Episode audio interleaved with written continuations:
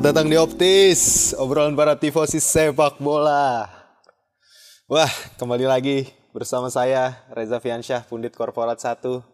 Masih bersama partner saya. Ya udah pada tahu. Udah lah. pada tahu. Capek gue kenang-kenalin lagi. Ya, Di minggu kemarin kan gue udah kasih intro udah bagus lah. Masa ya masih gue harus bikin lagi. Capek gue. gitu dong. Ada satu quotes menarik dari Bapak Laksmana Wirangga di minggu lalu karena kemarin saya lagi melaksanakan tugas korporasi ya. Beliau mengatakan seperti ini. Bisalah Spalletti megang Itali karena dia udah biasa kan di Itali, udah kenal lah pemain-pemainnya. Enggak. Apa yang salah coba? Ya Coba. salah semua itu. Nggak- gimana? Coba lu definisiin satu-satu deh. Coba Ya. pelan-pelan. Enggak salah. Ya dibilang salah juga enggak lah. Semua butuh waktu. Ya kelihatan di pertandingan pertama semua pada nggak nyaman sama mainin taktikalnya Spalletti. Pemain-pemainnya juga nggak jalan. Pemain yang sebelumnya jalan main sama dia kayak Politano sama ya nggak bisa disalahin juga sih Politano, Di Lorenzo link up-nya nggak jalan karena memang di lini tengahnya juga nggak nggak kelihatan belum belum ngerti gitu apa yang masih dipengenin Spalletti. Oke, belum ngobrol ya. possession possession ball di babak pertama singkat gue terakhir 70-an persen tapi tidak merefleksikan apa-apa ke pertandingan permainannya juga masih bapuk bapuk kayak bapuk banget gue kayak terakhir habis golin Zakanyi gue tinggal tidur saking saking bosennya Berarti lu nonton babak pertama. Babak itu pertama full sebel, babak, kedua mencoba menonton lagi nggak kuat Babak cuma kedua lu nonton yang pas golnya si itu bukan? Abis Gol Zakanyi. Makedonia. Eh, enggak, justru Makedonia gue nggak nonton golnya, gue tinggal tidur lah pokoknya. itu udah merefleksikan seberapa membapuknya pertandingan Italia dan Makedonia Utara lapangannya kayak lapangan Liga 3. Tentu lebih bagus lapangan PSG Ciamis, tapi lapangannya bapuk. Terus gue kayaknya kemarin nonton dua pertandingan deh di qualifier Europe. Ya sama eh, Inggris sama Ukraine. Sama bapuk kayak dua-duanya. Kayak nyesel gue nonton. Kayak, kayak kalau gue bisa balik waktu gue kayak gue nonton Luxembourg aja dah. Nggak nggak nggak nggak ada nggak ada value nya semua hancur permainannya. Enggak, gue ngomong-ngomong apa? Ngomong-ngomong permainan hancur. Bukannya Spalletti megang Napoli juga hancur-hancuran? Kan lu suka di mengkritisi. akhir kan? Di akhir. Gue gue selalu mengkritisi. Apalagi di akhir-akhir bahwa ya taktikalnya dia tuh ya bukan bu, dia bukan tactical genius lah ada Dia kan free flowing football Iya. kayak ini Noel Noah di Blue Lock. Ya, Ya, ya. suka-suka lu aja dah mainnya gitu. I- enggak sih lebih ke ke fluid football lah kayak kelihatan kemarin kayak misalkan eh, di press sama pemain Makedonia Utara bolanya di dialirin ke ke space yang kosong ya jalan cuman kayak pemainnya tuh no idea apa abis ini gue ngapain lagi ya abis ini gue ngapain lagi ya terutama link up dari sisi sayap ke strikernya juga nggak jalan. Ter- eh, Immobile terlalu sering narik ke belakang juga. Bukan masalah narik ke belakangnya sih tapi pas recover positionnya tuh kayak nggak nggak jelas lah gitu. Jadinya dia juga bingung gitu. Ini gue mesti ngapain? Kayak semua pemain tuh kayak gue mesti ngapain? gitu. Ya kebobolannya bo, eh, Donnarumma ya memang bagus dengan Bagus bebasnya tenan, bebasnya bagus itu. tapi memang kelas, kelas. Makedonia Utara juga mainnya counter attack banget. Apalagi si Alioski sama si siapa? Elmas. sama Elmas, juga mainnya ya mesti diakui lah memang poros serangannya di situ gitu emang mainan counter doang. Ya udah that's it gitu. Nggak ada yang bisa gue bahas lagi emang kayak nggak bisa lu ngejalanin. butuh waktu lah Spalletti butuh waktu lah. Makedonia juga nggak bisa mengalahkan Spa- eh, Italia yang dipegang sama Spalletti yang Hmm, jangan sampai ada foot- footballnya iya, itu jangan sampai ada poros eh, Poros pelatih pelatih lokal di Italia aja bikin grup WhatsApp gitu yang pilih pelatih lokal dong gitu Nah, Nah, Spalletti bukannya ya misalkan gitu kan dia karena ngelatih Oh. Zenit kan waktu itu jadi kayak poros pelatih pilih pelatih lokal gitu jangan sampai kan ini baru satu pertandingan ya baru satu pertandingan. masa juara AFF aja nggak bisa eh maksudnya kan Italia kan nggak main di AFF kan mungkin ada kritik-kritik Iya, gitu bener. Cuman kan ini kan Euro qualifier, Pak. Maksudnya butuh lah hasil instan. Harus, harusnya- Hasil instan. Harusnya- instan ya, tapi emang harus menang, harus result gitu. menurut gue result oriented. ini juga agak agak tanda tanya ya maksudnya Man, Mancini cabut di kala lagi penentuan gitu loh maksudnya di qualifier juga masih belum aman digantiin pemain eh, pelatih dengan benar-benar skema baru gitu skemanya benar-benar beda dari yang ditampilin sama Mancini ya gimana kagak keder pemain juga Iya, ngerti sih. Terus juga eh, Mancini, tapi kan Mancini juga pindah ya demi uang, Bro. Bukan mana sih dia? Masuk sekolah Arab. Arab ya? Oh iya, iya wajar sih. Suara Gue Eh, Suara-suara ada. Udah masuk-masuk uang Arab. suara orang Arab. Suara-suara investor. Suara-suara ya- ya investor wajar, Arab ya, nih. ya, ya wajar sih.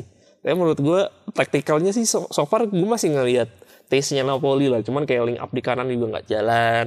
Iya. Karena kan biasanya link up di area kanan tuh tetap ada butuh gelandang yang narik agak ke sedikit ke ngelebar kan Iya, kayak iya. kalau di Napoli itu Ada biasanya ada Lobotka sama atau Sambu Muisa. Cuman di sini enggak terlalu terlalu stick on position. Tapi juga maksud gua eh, gelandang yang dibawa sama si Spalletti juga belum terbiasa. Gue setuju sih belum terbiasa. Maksudnya di situ ada gelandang kesayangan saya Sandro Tonali. Cuman Kalau Tonali mainnya bagus. mainnya bagus ya biasa main di Inggris Main pak. bagus. Cuman makanya kan cirinya belum tahu mau maunya Spalletti Iya, gimana dan iya. dan gue nggak ngerti ya faktor lapangan enggak lah mereka pemain profesional Profesional, tapi jelek.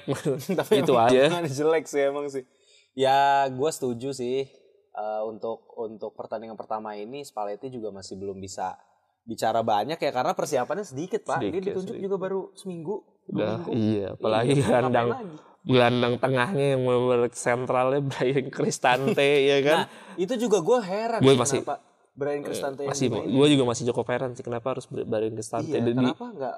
Ada di- Locatelli kan dipanggil kan Locatelli cedera, Oh. Ba- banyak cedera, cedera, even kayak Politano aja di dipulangin Hmm. karena cedera Orsolini cedera. yang diganti kan. Ini Iya. kita tag sebelum pertandingan ini ya, pertandingan uh, Ukraina lawan Italia dan gue sih nggak mau nonton gue pengen tinggal tidur aja gue nonton abis pertandingan aja capek. tapi tapi kalau melihat melihat pemain-pemain Napoli eh pemain-pemain Napoli ya memang kan pelatih pelatih Napoli, lali. Napoli masih ada. Iya iya pelatih Italia ini. Eh pertandingan Italia lawan Ukraina nih prediksi lu. Maksudnya kalau nanti nggak jelas pasti belum jelas. Gue gue nggak nggak suka memprediksi lah tapi kalau kelihatan dari permainan gini sih kayaknya kalaupun itu jadi kemenangan kemenangan yang diraih dengan susah payah deh. Kelihatan juga kok Inggris kemarin Ukraina bener-bener setengah mati kok. Ukraina juga alot pak. alot alot. Alot, permainannya bener-bener alot. Kelihatan defensifnya bagus lah. Karena ya lu tahu lah pemain-pemain Ukraina kan Iya. isinya fighter semua. Iya. ya aduh, biasa agak di ya, enggak maksudnya bener-bener fighter di lapangan gitu. Kelihatan pemain-pemainnya kayak Zichenko kalau ngomongin eh, apa namanya yang Ukraine sih buat gue ya bisa jadi challenge sih. Tapi ya let's see lah bakal jadi bakal jadi perjuangan berat juga sih. Tapi kayaknya bahas Itali so far eh, itulah. Karena gue juga tuh biasa jadi jadi agak sedikit Skeptis. nggak iya nggak apa ya ngomongnya ya nggak jadi nggak men- menarik lagi gitu ketika gue lihat ya banyak pemain yang cedera sistemnya belum jalan ya nantilah mungkin ngelihat ngelihat Spalletti di tahun depan kali ya udah mulai kelihatan sistemnya dia yang mau di deliver gimana Iya benar benar sih. Ya kalau gua sih ya ini sebenarnya mungkin para pendengar pas denger ini juga pertanyaannya udah main ya. Cuman kalau misalnya kalian bisa dapat link-link yang uh, untuk nonton siaran ulang, saran gue nih Norwegia lawan Georgia nih yang seru nih. ah terakhir Georgia kan habis dibantai 7-1 Iya, lawan mending lihat aksi Erling Haaland membabi buta membobol gawang lawan ya kan? lawan kemarin sekali ya Karat sekali ya. Ya, tapi- Spanyol iya. ketemunya Ciprus. Aduh, Ciprus mah biasa Iya. biasa jadi ini di, di perairan-perairan aja itu. Ya tapi kalau ngomong Euro qualifier ya enggak nothing special. Ya nothing maksud gua i- nggak nggak ada hal yang gua sih ju- justru yang satu tim yang buat gua eh, mungkin kalau teman-teman mau nonton sih mungkin menurut gua Luxembourg ya karena Luxembourg kan mengagetkannya dengan dengan populasi manusia yang sangat sedikit sedikit, itu. itu, ternyata eh, bisa bertengger di posisi yang cukup eh, bagus gitu loh. Tapi kan diperkosa sama Portugal kemarin, Pak. Oh, iya. Aduh, sembilan. Eh, itu bukannya Liechtenstein yang yang di yang di itu. Enggak Luxembourg, Pak. Luxembourg ya? Liechtenstein lawan Slovakia. Oh iya iya. Ya Aduh. ya itu makanya. Ya tapi wajar lu emang kagak tahu total penduduk kayak Luxembourg berapa? 640 ribu. Iceland juga sih. Gue Eh, gue tapi Iceland sekarang juga lagi gue fans Iceland sih. Maksudnya Lagi- fans dalam artian ini ya. ya ya terakhir kan bisa dia main, mereka bisa main. tapi gitu. kan juga lagi lagi turun juga kan sebenarnya. Iya, iya, iya, iya. Ya mungkin nggak itulah. Lagi nggak bener-bener kayak eh waktu Euro 2016 Oh ya. iya, memang uh, kelihatan pemain regenerasi pemainnya menghilang lah terakhir setelah Edward Johnson kan itu terlalu lama. itu lama. Uh, Gylfi Sigurdsson uh, setelah itu udah udah nggak kelihatan lagi uh, apa namanya regenerasinya udah benar-benar. benar-benar itu. Justru Finland Finland lumayan lumayan strong juga dengan Temu Pukinya biarpun Temu Puki juga kayak udah nggak main lagi. Tapi tapi gue mau membahas ini pak.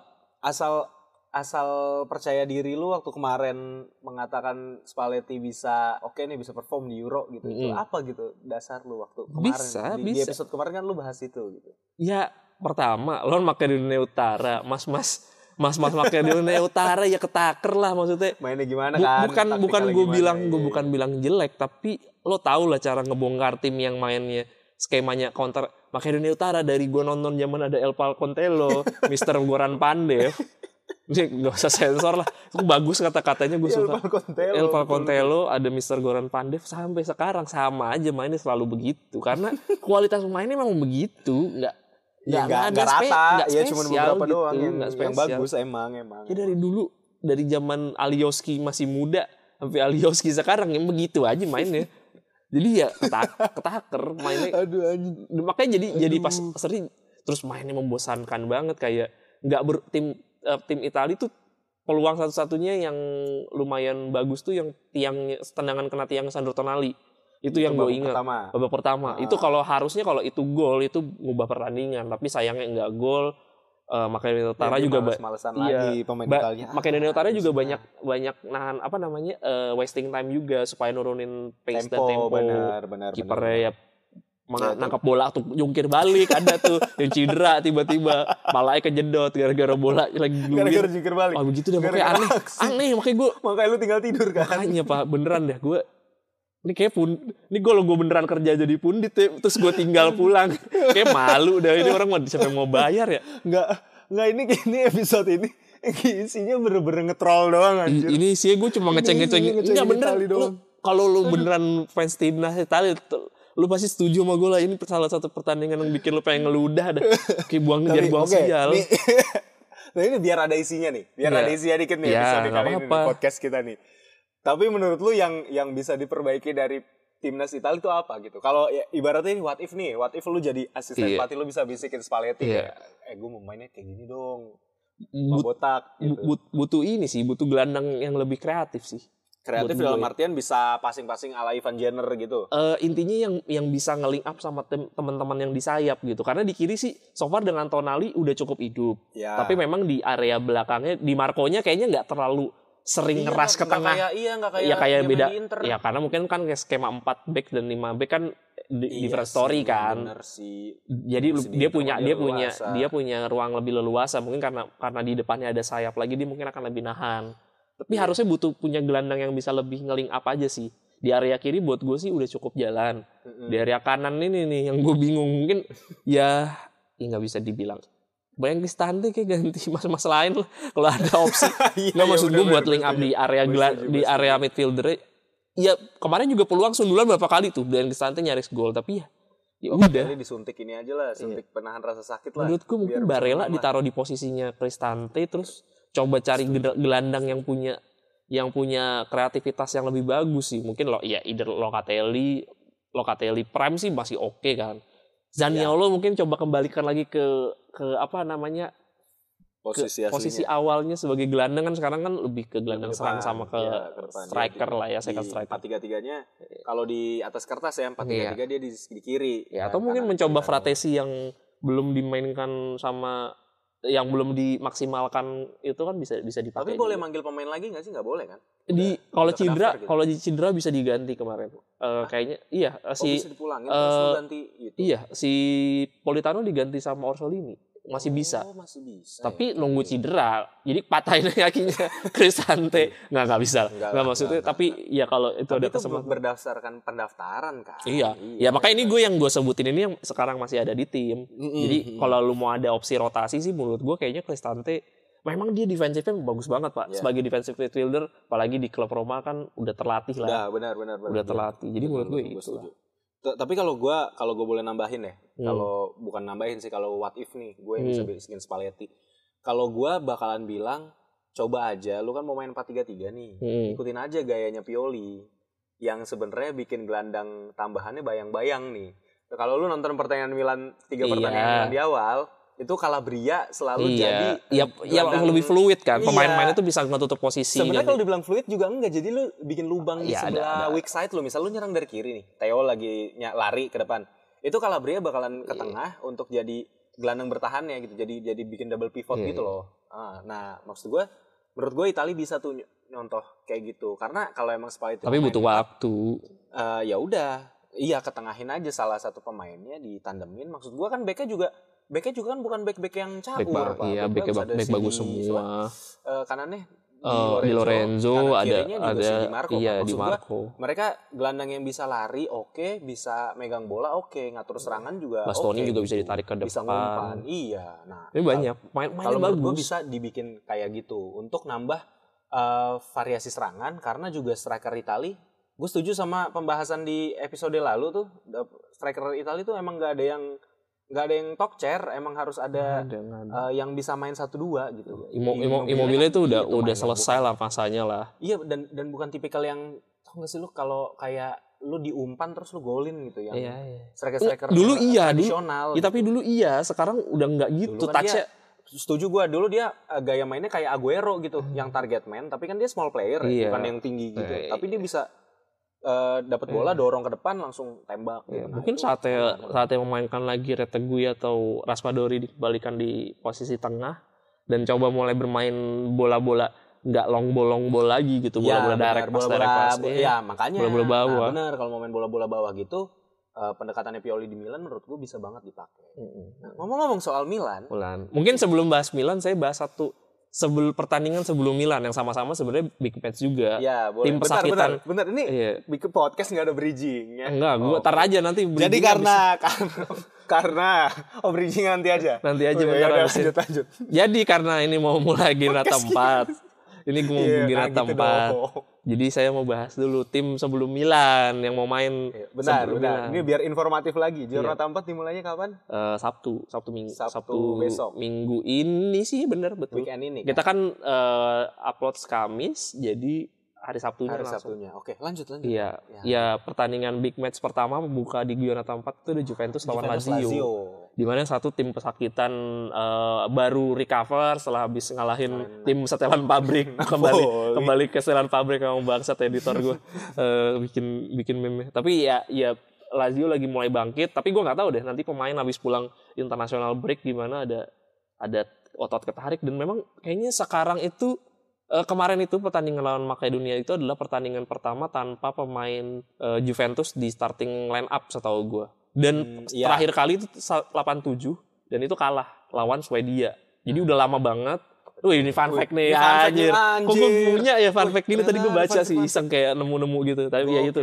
Masuk Itu. highlight nih. Iya, jadi ya Juve penuh persiapan, Mm-mm. Juve penuh persiapan, eh, pemain-pemainnya juga kemarin pun kalau ada yang dimainin juga kayaknya nggak ada yang dimainin terakhir deh. Pada Locatelli pun juga nggak dimasukin. Cedera. Eh, eh, eh, Chiesa juga cedera balik. Sewayahnya harusnya ada pemain Juve lah di sana. Oke, tapi eh, antara Juve lawan Lazio nanti gimana nih menurut lo? Karena kan pemain Lazio itu kan ada yang jadi poros utama di Italia kayak Immobile. Iya, iya makanya Lazio tuh sebenarnya harusnya lebih, lebih lebih tidak diuntungkan lah kalau berbicara masalah eh, pertandingan nanti lah.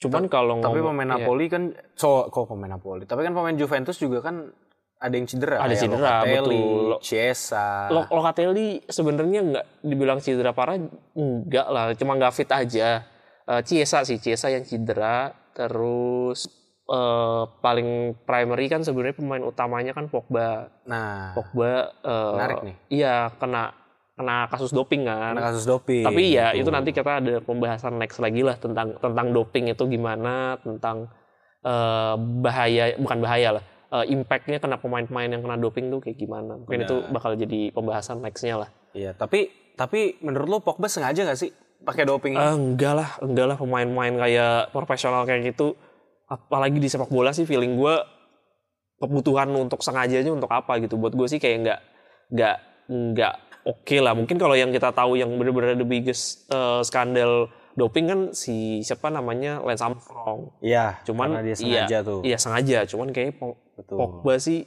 untuk urusan itu enggak kecuali dia ganti gaya rambut sengaja itu tapi Nah. kayak kalau kalau apa namanya kalau buat doping sih feeling gue enggak tapi feeling gue cukup yakin sih minimum dia dua tahun lah karena larangan bermain dua tahun lah Benar. minimum. Ini ini kasus pernah terjadi juga di Maria Sharapova kalau Iya. di dunia tenis ya, karena tapi tetap Maria Sharapova itu kena hukuman pak, kena Iya, pasti. hukuman. Walaupun dia nggak sengaja, pengakuannya Pasti. dia itu dia nggak sengaja Dia berapa tahun? konsumsi empat tahun. Iya makanya. Eh, jadi even lu sengaja, jadi hukum itu tidak mengenal lu sengaja atau tidak sengaja. Eh gue nggak sengaja nih nembak bener orang, eh nggak sengaja. eh apa namanya? iya gitu nggak sengaja nyiksa orang sampai meninggal gitu nggak sengaja gitu katanya.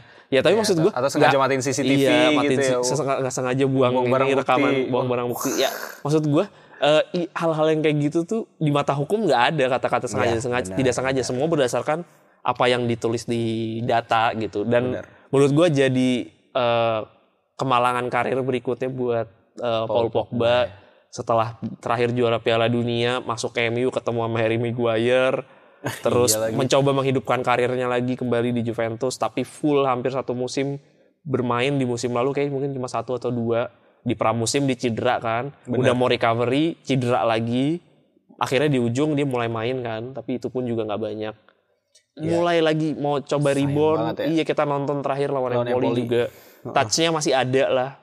Benar. biarpun fisiknya udah tidak semenarik dulu ya pokoknya fisiknya udah ya udah, Udah kelihatan gas, lah udah benar. pergerakannya udah melambat udah- udah responnya udah berbeda. melambat tapi, Tapi touch-nya passingnya dia kelas. touchnya dia masih kelas lah Masih kelas, masih kelas. masih Ya, Paul Pogba yang sama gitu Bener, sayang ya banget sih. ya mungkin satu-satunya yang paling dirugikan dari pensiunnya Pogba adalah eh, calon-calon barbershop di Italia ya buat gua sih kayak yang tadinya bakal banyak calon penerus barbershop di sana kalau sampai dia tiga tahun 4 tahun terus pensiun ya banyak mata pencarian tukang cukur yang akhirnya harus pensiun dini Iya, juga mana sayang banget di lagi kan Itali baru 30 gitu. tahun. Aduh. Ah, oh iya ada Leo, Leo. bener Le- tapi Le- iya, Leo udah mulai banyak Ya, gaya-gayaan ya. Theo juga kan juga lumayan. Iya, bener Theo juga lagi. lumayan aktif di dunia perambutan juga kan. Cuma kan tidak ada yang mengalahkan Paul Pogba dalam Iya. urusan branding branding rambut. rambut, betul. Dulu mungkin yang sa- salah satu yang cukup mendekati itu Jesse Lingard. Cuman dia udah mulai sadar bayar listrik mahal. Bener. Jadi dia fokus fokus di karir. fokus karir. Nah, benar. Pogba ini kan jadi salah satu pema mungkin jadi pemain gaji termahal di Juve setahu gue. Pada saat dia di hiring terakhir, Iya, free transfer iya, itu iya. pemain dengan gaji termahal. Jadi dengan duit sebanyak itu untuk ganti gaya rambut per dua minggu tiga minggu sekali sih itu hal yang lumrah untuk Paul Pogba. Betul. Nah makanya ada banyak lapangan pekerjaan yang akan hilang ketika Paul Pogba eh, yang pertama tukang cukur rambut, yang kedua adalah eh, saudaranya yang dia suka apa Iya, namanya iya, blackmail. iya, iya, yang dia suka blackmail itu tuh. Nah itu Wah, akhirnya parah. kalau dia pensiun itulah eh, lapangan pekerjaan yang sekiranya bakal Aduh, bakal hilang banget. gitu karena Pogba kemungkinan besar sih pensiun kalau memang tuh eh, hukumannya lebih dari dua tahun itu sih gue berani jamin sih. Iya, benar benar benar. Ya. Itu tadi Juventus lawan Lazio ya. Ya gue cukup yakin Juve masih bisa masih bisa megang kendali lah. Iya. Biarpun kayaknya analisa gue nggak pernah ada yang bener, tapi ya gue cukup yakin lah Juventus masih diunggulkan Ya. di sini lah. Apalagi main di kandang di Allianz. Di Alia benar sih, benar sih. Tapi Nah, kalau sampai kalah Lazio jadi itu jadi cerita buruk lagi Tapi- karena harus recover lagi. tapi Lazio juga lagi mulai bangkit. Eh bukan mul gua nggak tahu ya mulai bangkit apa enggak, tapi kan Mainnya pertandingan kemarin dia menang. Menang ya lagi mulai mencoba merangkak Napoli. kembali lah ke performa terbaiknya lah. Nah, masuk ke Napoli ini ada Genoa, di sana ada Matteo Retegui pemain kesayangan lu Iya. melawan Napoli tim kesayangan Aduh. lu. Menurut lu, lu memihak mana kalau gitu? gue memihak Nathan. Nathan kan baru akhirnya bermain untuk Napoli for, for the first time. Yang saya baru tahu ternyata ada kursus bahasa Inggris di sana proficiency test. Jadi pokoknya lu kalau nggak bisa lancar berbahasa lokal di sana lu nggak boleh kerja. Beda kan sama kayak di eh, Inggris mungkin ya. eh, ini apa nama Sierra Leone kalau Oh, si- oh, iya. kalau orang-orang dari Cina, dari Korea boleh kerja di sini nggak bisa bahasa Inggris nggak apa-apa. Di Indonesia juga. Eh enggak, enggak sama itu kok. beda masalah negara kali. Sierra Leone itu. Ah, oh di Sierra, oh di Sierra Sierra Leone kan lagi ada pembangunan kereta cepat tuh, kereta Pak. cepat. Nah, Iya, itu kereta cepat Sierra Leone. Iya kereta cepat Sierra Leone itu iya gue iya benar-benar ada yang ini boleh di cross check Inggris. ya teman-teman ya kereta cepat Sierra Leone itu dibangun oleh tenaga kerja dari Cina sana Iya, nah itu yang asli pada dari Cina nggak bisa bahasa Ing- nggak bisa bahasa Sierra Leone Sierra Leone. Iya, itu nggak boleh harusnya. Nah, ini sama. Ternyata gue baru tahu. Iya, Nah, gitu ternyata juga berlaku di di olahraga juga. Ternyata eh, sama kayak mentreat seorang karyawan, lo harus bisa berbahasa dulu karena Iya. nanti mungkin untuk berkomunikasi di lapangan, buat komunikasi dengan tim ofisial, dengan wasit. benar-benar Kalau lu dapat kartu kuning, Benar. kenapa gitu Iya, gua lu bisa nanya kuning? kenapa Nanya. gitu dan Iya, bisa, men- menerima menerima penjelasan dari tiba-tiba pukul aja mas jangan baku hantam Iya. terus Dari juga Brazil kan, lagi iya, kan dia ya. Brazil kan karena Brazil mungkin nggak bisa bahasa Itali, nggak bisa bahasa Inggris ya pakai tangkap, jadi nggak Iya. bisa komunikasi sama sekali. Tapi dia bisa ngobrol sama Leao sih, Pak. Bisa. Ya, tapi kan mainnya lawan Genoa. Oh, iya. Oh, bisa ngobrol sama Retegui. Bang, ini apaan sih? Kan dia Argentina. Argentina itu bahasa Spanyol. Oh, sa- Ah, kan sama-sama negara deket. Nggak Iya. bisa ngobrol tapi. Enggak, beda. Nggak bisa. Yang satu gracias, yang satu obrigado bahasanya. oh, susah jauh, berarti, jauh, susah, susah. Nah, Nggak ada yang bisa diajak ngobrol berarti. enggak ada iya benar. Tapi ber- berarti Oh ada. Juan Yesus tapi masa kalau dimainin bareng pusing gua. Kalau kalau udah begitu pusing gua. Kagak dah. Kagak mending belajar bahasa dah udah ya udah. Dah sebelum makin menjauh. Aduh. Semakin ap- makin merana pembahasannya. Mungkin ini bahas menurut gua salah satu Salah paling satu penting derby, gitu. paling- derby, paling derby yang keren. dinanti lah. Gue juga pengen nobar gua sama teman-teman Milanisti karena kan gue juga salah satu Milanisti juga. Milanistinya yang pakai member nih, berarti. ya gue sih enggak kan gue ntar dipecat Oh, dari iya. admin Indo Napolitano gue Aduh, Bang Bara, iya nanti saya daftar sama Bang Bara ya. Semoga Bang Bara mendengarkan podcast ini kan ya. gue juga mau liputan di sana pulang kuliah gue langsung liputan lah Tapi seru sih kayaknya Inter. gue tak gue nggak tahu nih ada yang satu katanya fans Ichi katanya mau nonton paling dipukulin gue sih berharap dipukulin sih Anak Ichi mau nonton bareng Milanisti. iya mau liputan mau liputan bareng kita cuman ya, Oh. kalau dipukulin sih gue gue ikutan Ya, juga jangan pakai atribut lah. kalau gitu. kalau dipukulin Respect kayak gue mau ikutan deh sekali-kali mukulin anak Ichi belum pernah gue Iya, iya sih, kayak seru ya. enggak Kayak sekali kali kali Mukulin mukulin anak trans iya iya iya iya. Dan dan lu nggak bakal diviralin. Gak bakal, Iya, itu sebenarnya komunitas. Coba kita, bercanda panggil aja dulu ya, nih, Iya. anak Bang, trans ya. Aus. bang, aus bang. Halo, halo, halo. Gimana nih, gimana, gimana? Haus akan apa nih? Haus akan kemenangan? Haus akan pengakuan? Waduh, oke di sini ya teman-teman udah tahu lah kalau teman-teman yang biasa dengerin Optis, ini adalah Bapak Federiski Di Marco, salah satu karyawan kepercayaannya Bapak CT ya. Tangan kanan. Tangan kanan. Ada di produksi nggak jalan. hancur, hancur itu. Aduh, Putri Tanjung nggak bisa ke mana-mana itu. Aduh, oke. Bapak, Hmm. ini derby della Madonnina. Ya. Bapak, saya nanya dulu nih, Bapak sebagai fans Inter bener mau liputan bareng ke kandang Milanisti sana Gak gitu? apa-apa, kita mah yang penting nonton aja. Cuman Pakai atribut nggak? nggak nggak usah nggak apa-apa. Kalau mas- menghormati, menghormati. Iya bener mas. Maksud saya gini pak, kalau kalau kita kita mah santai ya kong ya. Takutnya nih rakyat rakyat. Mau Jelata. fans Napoli aja penting banget itu udah. Gua motorin tangan itu udah. Iya.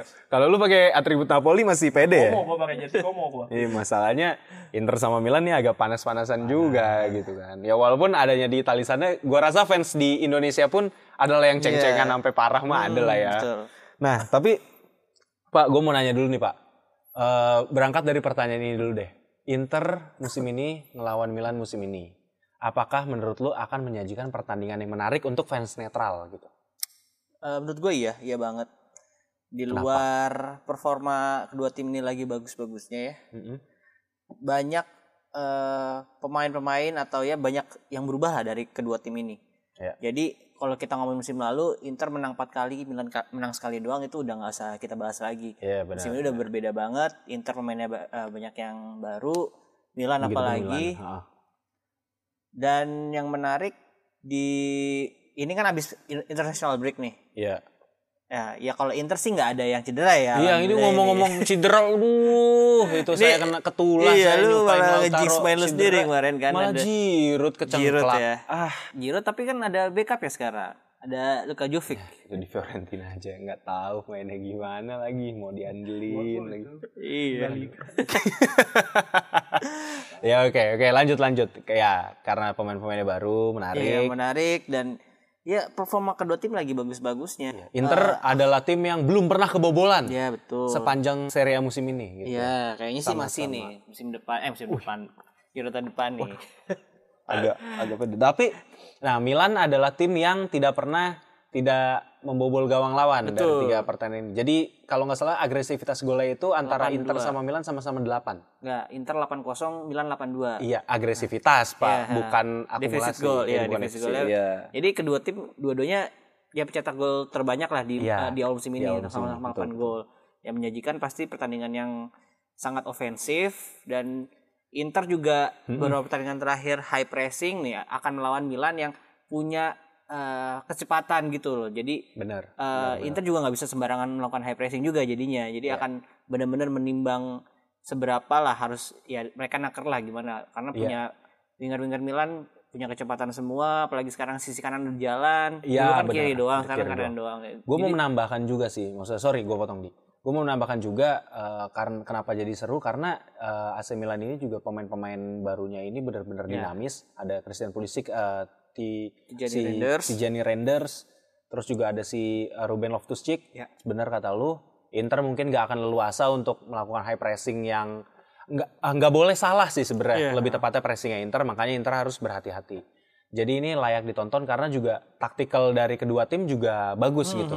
Terbukti dari agresivitas gol yang dibuat gitu. Milan juga lagi main dengan skema eh, playmaker bayangan yang cukup berhasil gitu ya. Kalau teman-teman tahu gitu. Tapi memang statistik menurut gua nggak nggak berpihak pada Milan nih. Walaupun kata lu tadi di musim kemarin itu kita lupakan saja gitu ya karena ada empat kemenangan Inter dan satu kemenangan Milan. Cuman memang kalau gue lihat di bursa taruhan Inter lebih unggul kan nih pak. Oh iya, justru Iya justru lebih diunggulkan. Inter ya walaupun ya main di kandang sih, tapi kan Main di kandang hitungannya iya. Tapi kan secara Jumlah penonton, jumlah penonton kan dibedain Inter pasti. gitu. Ya mungkin eh yang mereka eh, maksudnya bu, ya apa sih kalau itu Si bandar ya mungkin bandar, ya, bandar lah ya. itu, ya melihat dari statistik ininya juga sih statistik XG-nya ini dari Opta Analis ya. Kenapa kenapa diunggulkan Inter gitu? Ya mungkin secara karena secara statistik Inter memang lebih unggul. Mungkin nggak jauh sih. Secara Hmm. XG rati- rasio memang Inter nggak terlalu gede karena XG rasio kan dihitungnya dari jumlah gol sama jumlah peluang yang tercipta Iya, ya. benar. Peluang Inter tercipta tuh cukup banyak. 26 shot itu XG-nya 1,73. Kalau Milan itu 1,39. Sebenarnya Nggak jauh. nggak jauh. Shoot Milan juga sebenarnya 29 justru lebih banyak. Lebih banyak. Inter lebih mungkin lebih mengancam ya serangan-serangannya gitu. Benar Dan lebih lebih gitu. efektif jadinya. Tapi tapi kalau balik lagi ke pertanyaan tadi, apakah ini bisa dinikmati sama fans netral? Benar-benar bisa banget ya. karena, ya t- dari statistik juga kedua tim sama-sama menyerang banget kan. dan juga posisinya saat ini Mil Inter itu posisi satu, Milan posisi dua. Siapa pun yang menang itu akan merebut eh, ke puncak puncak Serie A ya, puncak Ya, klasmen. ya. heeh. Nah ini seru nih. Nah taru- terus kalau dari international break ini, menurut lu apakah performa kedua tim ini akan akan ter- ber- terpengaruhi gitu, Pak? Ya, Menurut lu gimana? menurut gua kalau misal eh, ini ya, gua nge-recap dulu beberapa pemain Inter gua nggak tahu kalau Milan mungkin nanti yang bahas. Hmm, Beberapa pemain Inter lagi banyak yang gacor justru nih di timnasnya. Ya. Eh, contohnya mungkin Dumfries. Dumfries ini 4 assist dari dua pertandingan. Terus Aslani juga di timnas Albania dia main 90 menit padahal di Inter juga jarang menit bermain. Terus Lautaro Martinez juga kayak semua pemain rata-rata timnya menang dan itu berarti kan eh, bisa jadi moralnya bagus tuh. Jadi vibe-nya moodnya bagus dibawa ke klub bagus Benar, jadi benar, mungkin benar. bisa ya jadi eh, lebih enjoy lah menghadapi derby walaupun ini benar-benar panas jadi eh, secara mentalitas juga mereka harus siap banget. Nah kalau Milan sendiri gue nggak tahu nih pemain-pemain yang lagi di international break lagi oke nggak hasil? Kalau Milan sendiri sayangnya nggak banyak yang bisa dibanggakan nih. Paling ada Samuel Chukwueze yang bikin satu gol satu assist kalau nggak salah buat Nigeria. Leo juga segol Leo kemarin kan juga. menang menang Ah, gede ya. Leo juga. Betul. Tapi Radik Runik main di Bosnia, eh, Bosnia kalah lawan Iceland. Mm-hmm. Eh, terus juga Olivier Giroud sayangnya di timnas Prancis sempat kena cedera ankle, jadi nggak bisa bicara banyak juga. Theo Hernandez juga nggak ada yang nggak ada yang bisa dibanggakan secara statistik aja sih. Hmm. Menurut gua, menurut gua nggak nggak nggak nggak semua pemain Milan itu benar-benar bisa ngebawa vibe internasionalnya lah ke Milanello nanti gitu. Wal- Tapi tapi gua rasa ya mereka pem- pemain profesional dan nggak akan terpengaruh sih sama hal-hal kayak gitu gitu. Karena Kalau yang kalau negatif mungkin enggak temen, kalau yang positif mungkin bisa. Iya, bisa mungkin itu sih. Temen-temennya ya. Benar, benar, benar. Eh, ditambah juga di pertandingan antara derby gitu dengan mereka ngewakili negaranya itu kan bakalan beda gitu loh, Feb. Iya. Gua rasa eh, tuntutan mereka sebagai pemain Milan ketika nanti ketemu Inter itu bakal lebih intens gitu loh. Jadi mereka juga nggak akan kepengaruh sama hal-hal yang ada di eh, jeda internasional kemarin lah. Paling harus pinter-pinternya Pioli ataupun eh, Inzaghi untuk ngatur pemainnya gimana sih? Kalau dari Pioli sendiri, lu, lu menurut lu akan menggunakan starter yang sama seperti pertandingan lawan Roma kemarin? Gua rasa bakal sama sih starternya sama kayak Roma kemarin. Eh gua rasa Giroud bakal tetap dipaksain sebagai striker tunggal karena memang nggak ada belum ada lagi pemain yang udah teruji gitu ya dibandingkan dia. Eh, terus juga kalau skema permainan juga gua rasa masih sama kayak yang udah dijalankan di tiga pertandingan ini di mana Calabria sama Theo itu bakal bakal jadi uh, defensive midfielder bayangan. Nah ini yang menarik sih kalau misalnya nanti nggak ada salah satu dari kedua orang itu, nah ini yang gue bingung mau gimana Pioli ngejalanin taktiknya. Pie, uh, terus juga yang ngegantiin Tomori ini sih. Ini nih yang gue Oh iya, Tomori kartu merah ya? Tomori itu kemarin kartu merah pak. Iya, benar. Pierre Kalulu gua rasa bakal jadi pengganti yang eh, ter- teratas lah gitu untuk ngegantiin gitu. Tapi juga kehilangan Tomori ini benar-benar menyisakan lubang sih di belakang buat Milan gitu. Jadi kalau misalnya Milan mau menyeimbangkan permainan dengan Inter, gua rasa nggak boleh ngambil inisiatif bertahan. Jadi Milan harus berani pegang bola gitu loh maksud Iya, gua. iya, iya. Karena karena kalau gua nonton, aduh, ini nih yang gua agak bingung dan main bolanya itu bener-bener harus di tengah ke depan ya. Karena kalau misalnya bangun dari belakang, Malik Tiaw ini juga masih masih nggak press pressing resistance gitu loh pak. Kalau lu nonton beberapa pertandingan Milan, eh, Rangga senang banget tuh ngeledekin dia. Pokoknya kalau kalau Malik Tiaw udah megang bola, Rangga selalu bilang kayak dia kayak orang jijik gitu ngelihat bola. Dan dan itu benar gitu loh di pertandingan lawan eh sorry pertandingan Milan kemarin lawan Roma. Nah itu udah agak mendingan waktu lawan Roma. Tapi sebelumnya lawan Torino tuh ya. yang lawan Torino, yang lawan Torino itu bener-bener kayak aduh dia megang bola langsung buru-buru nyari passingan tapi nggak nggak tenang gitu loh. Tapi kalau sih. selain Malik Chow siapa yang harusnya? Uh, Jair tuh masih masih main gak sih? Kier masih, masih, Kier masih. Berarti, yang gantinya dia itu ada ada Mattia Caldara sama Caldara Marco, balik lagi. Marco Pellegrino. Kondisinya sekarang Milan lagi agak eh ini lah maksudnya ya nggak terlalu baik di segi pertahanan. Nggak berarti terlalu ya. baik di segi pertahanan karena Hmm. Fikayo Tomori itu kartu merah itu sih yang gue sayangin. Tapi kalau dari sisi Inter, Ya kalau dari Inter justru mungkin bisa harusnya bisa memanfaatkan eh, kebolongan atau lubang dari pertahanan Milan ya. Apalagi kemarin Marcus Thuram akhirnya udah bisa cetak gol. Dan seperti yang lu bilang kalau misalnya Milan eh, mau mengambil inisiatif megang bola, mungkin saat Milan melakukan kesalahan Marcus Marcus Thuram bisa memanfaatkan kecepatannya tuh. itu ya. Apalagi Dumfries juga punya kecepatan kan mereka dari sisi kanan dua-duanya.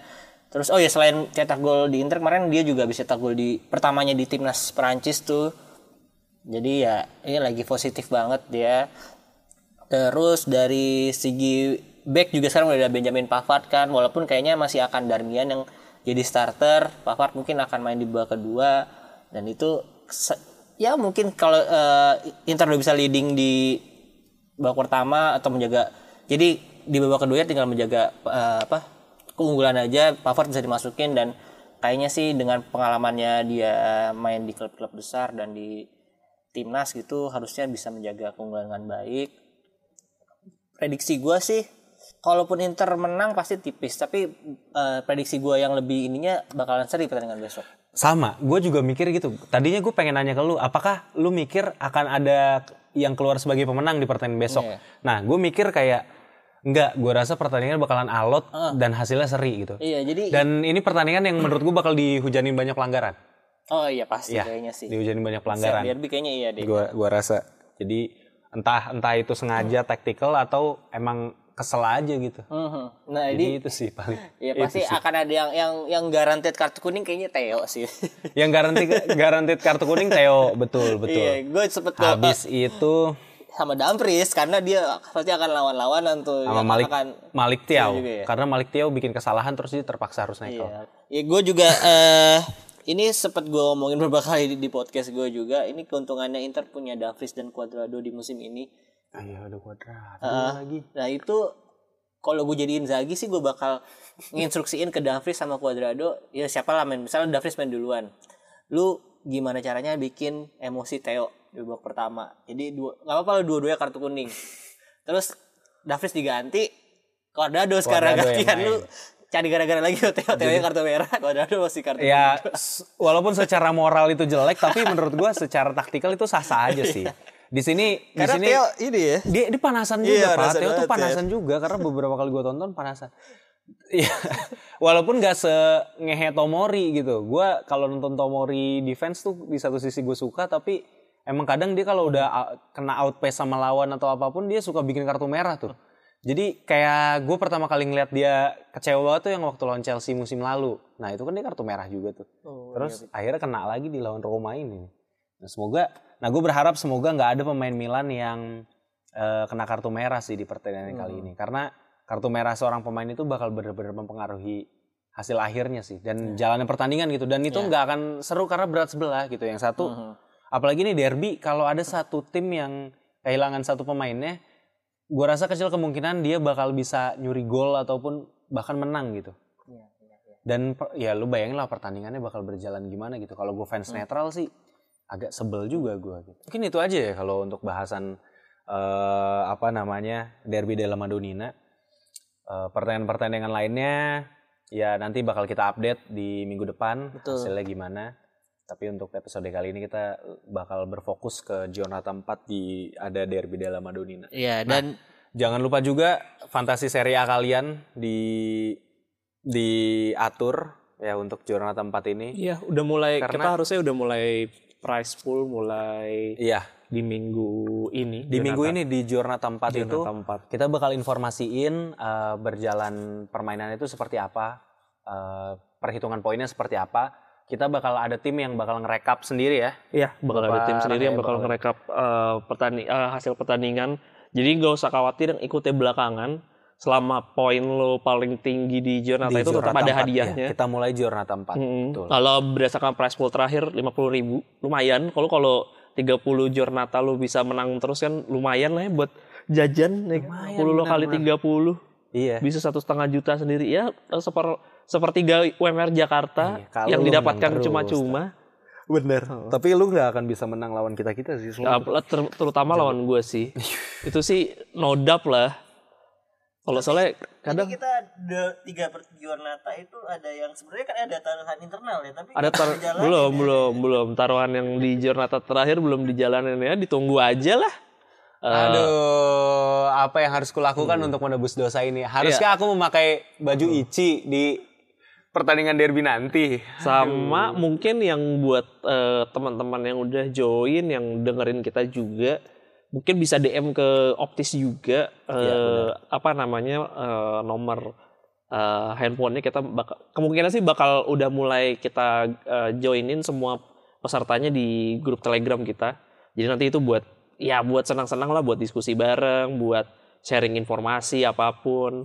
Ya related sama seri A fantasi maupun sama berita-berita inilah eh, seri A lah. Biar biar seru juga gitu biar biar secara community kita juga hidup juga. Terus juga kita eh, udah kerjasama bareng sama Pinsport juga. Salah satu pundi-pundi uang kami. Jadi eh, Pinsport juga mau join bareng buat buat bantu promoin dan bantu bantu kita buat tambahin price pool. Tapi masih masih diomongin lah. Betul. ya semo- semoga dengan adanya Pinsport jadi lebih rame kita bisa ketemu komunitasnya jadi lebih gede lah. Kalau bisa mirip-mirip kayak FPL gitu kan Iya, seru kita, kita gitu senang juga lah sebagai Iya. fans Serie A. Komunitasnya gitu kita iya guyup gitu loh maksudnya Guyup, ada komunitas yang bisa eh, bisa seru-seruan gitu dan bisa bisa ngobrol bareng ya gue sih harapannya begitu. Target kita adalah kita itu jadi fans yang paling solid ya Kong ya. oh iyalah. Harus kayak fans IPL kan kayak berantem-berantem Berantem mulu sih. ngapain? Ya, najis. biarpun musuh bersama tetap Juve tapi ya apalah. Gue sekarang udah kasihan gue. Dia terlalu terlalu bertubi-tubi masalahnya jadi Kayaknya. orang-orang juga merasakan hal yang sama terlalu dizolimi terlalu dizolimi. Gue nggak nggak tega gue kalau udah keseringan. Kalau sekali dua kali tiga kali udah gitu. Kalau udah keseringan tuh kayak masa sih terus terusan Tapi gitu tapi apakah lu bener kasihan? Kan sumpah serapah lu Juve nyungsep 10 musim kayak Ya, tapi Itu maksud gua nyungsep 2019 2020 lu. Nyungsep 10 musim gitu tuh maksud gue tuh yang kayak Persi 7 nah masih masih bisa Ngejilat- kompetitif ngejilat gitu maksud gue ya. iya kan gue lu sama teman fans Juve lu ya. temen gue fans Juve banyak sumber rezeki nanti masa Juve bagus Juve bagus Iya Juve bagus, Juve bagus. Juve bagus Eh, apalagi Pogba Iya, gua gua gua gua tuh suka ngecekin Juve karena jengah aja sebenarnya tapi Iya, sebenarnya dalam hati kecil gua tuh gua sedih kayak karena dulu kalau kalau lo masih bisa Gua kan ngelawan Juve dulu, waktu gue juga sama kecil gue itu Piero. ini boban gue Bobannya Milan. kan Enggak, enggak. Gua ini dulu Amauri gua zaman Amauri gua fans fans Alah, berak fans lu. Juve ini Amauri dulu sama ini apa, ya Quinta. ya Quinta dulu sama ini kiper ketiganya dulu. si Marco van der Sar dulu gua. Aduh, ya udah. Daripada kita Iya. eh, makin ngaco, Yes. jadi buat teman-teman nanti info eh, seri fantasinya bakal ada di deskripsi eh, Iya, di deskripsi di Instagram juga kita Ah, bakal sering mulai Tolong DM posting-posting. kita juga buat teman-teman Yang udah eh, join. yang udah join gitu ya. Kita nunggu banget karena iya. kita pengen bikin eh, grupnya biar kita grup bisa telegramnya juga buat kita eh, ngobrol, nanti ada update apa bareng atau tiba-tiba ada ada internal challenge gitu Iya, benar, atau benar. apa yang yang orang-orang luar gak tahu. Iya benar benar. Itu eksklusif. Enggak ya Eksklusif. bukan eksklusif tapi lebih ke atau ya mungkin kita ada share-share taktiknya kita juga kayak gimana cara milih pemain buat kita ala kita gimana. Iya benar. Jadi karena kalau dibahas di podcast sih sayang lah karena kan kita udah bahas di sekal udah pernah bahas sekali juga bisa re- refer ke episode, di itulah. episode itu. Dan itu uh, menurut gue cukup jelas cukup informatif Iya. dan lu bisa dapetin insight banget. Iya sih iya betul. Mungkin sebelum penutup saya biasa oh iya benar. permintaan editor kan. Heeh, untuk benar, saya benar, memberikan quotes quotes terkini gitu mengenai kehidupan sih lebih tepatnya. Betul. Silakan bapak. Ah malu gue sebenarnya begini terus mau maluin ya tapi ya gimana memang? Maafkan saya. perintah masa depan. koordinator. Oke. Il mio amore per te come un edebito artinya? Belum panjang oh ini. belum. Al inizio piccolo meso a tecare improvvisamente grande da solo artinya cintaku padamu seperti hutang awalnya kecil didiamkan tiba-tiba besar sendiri itu Piccolo tuh artinya kecil ya. Nah iya, kita saya juga baru tahu kopi piccolo Iya, berarti piccolo artinya kecil. kecil. Aduh si Bangke jadi belajar jadi bahasa iya Italia. jadi ngerusak outro kan ya udah udah, Itu udah. aja, Oke, teman-teman. itu teman-teman. Thank you. thank you udah dengerin thank you thank you ciao ciao ciao